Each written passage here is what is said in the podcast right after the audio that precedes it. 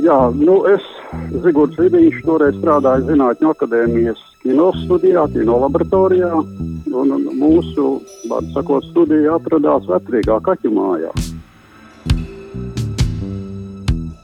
Tolēk 48 gadus vecais kino profesionālis Zigorts Vidiņš bija laboratorijas vadītājs, un viņa rīcībā bija divas kameras - amatieru VHS un jau labāka super VHS. Un ar to kameru arī pamatā tika uzfilmēts viss materiāls, ko tieši es filmēju. Tā skaitā arī tas materiāls, tā epizode, kad es no Basteikāna vēl klārā sašauto Gvido zvaigzni. Ar vidiņa kameru uzņemtas vienas no bagātīgākajām barikāžu laika liecībām Rīgā. Neilgi pirms barikādēm viņi bija vienojušies strādāt kopā ar dokumentālistu Juri Podnieku.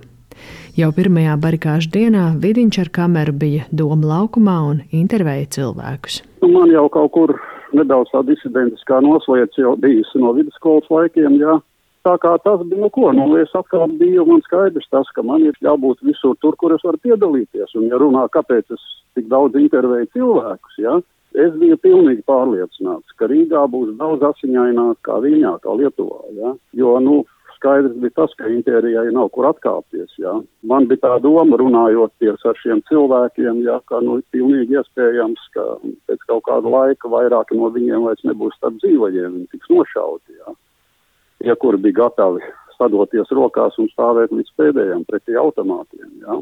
Vecrīgas kino laboratorijā Vidiņš ar kolēģiem dežūrēja uz maiņām visu diennakti, jo bija skaidrs, ja notiks uzbrukums, tas droši vien sāksies naktī. Un tā mēs visi kopā tur dežūrējām. Tā skaitā Andris Lapiņš, kurš jau daudzus gadus studijā pie maniem montēja, taisīja savus filmus. Ja.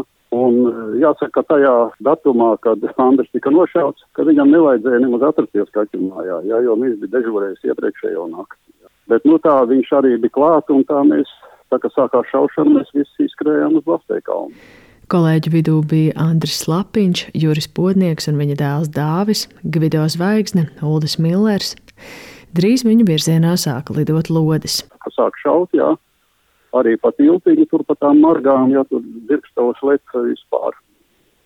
Nu jā, un lūk, un tā beigās mēs palikām. Es nogulvos pie viena koka blakus Gvido. Pēc brīža kolēģi redzēja, kā netālu nošauja Andris Lapiņu. Tad lodes kāra Gvido zvaigzni. Tā, kad es vilku ārā sašauto Gvido, ka pa mums šāva, jo man bija pilnīgi skaidrs, ka, nu, ka būs nākošā kārta un mūs nošaus abus, jā, un tāpēc es domāju, es ieslēgšu kameru, tā kamera griežās.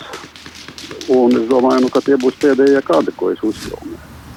Veči, nāciet palīgā, brīdis ievainots. Vecais mēģina. Mēģinām. Vidiņš pavadīja sašauto kolēģi uz slimnīcu un visu nakti filmēja, kā viņu operē. Diemžēl ārstiem zvaigznes dzīvību neizdevās glābt. Pēc kolēģu zaudējuma Vidiņš vienatnē aizbrauca uz laukiem. Nu, ko atgūties? Es paņēmu no bāriņa viskiju pudeli, vārdu sakot, nezinu, cik daudz izdzēru to viskiju un aizgāju tumsā staigāt pa mežu vispār.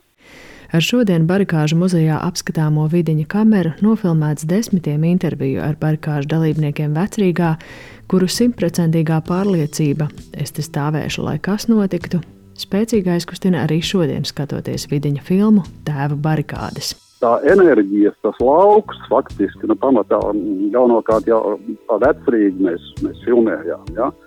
Tas enerģijas lauks bija kaut kāds apbrīnojams, ko tie cilvēki radīja, jā, ar to savu pārliecību, savu gribu.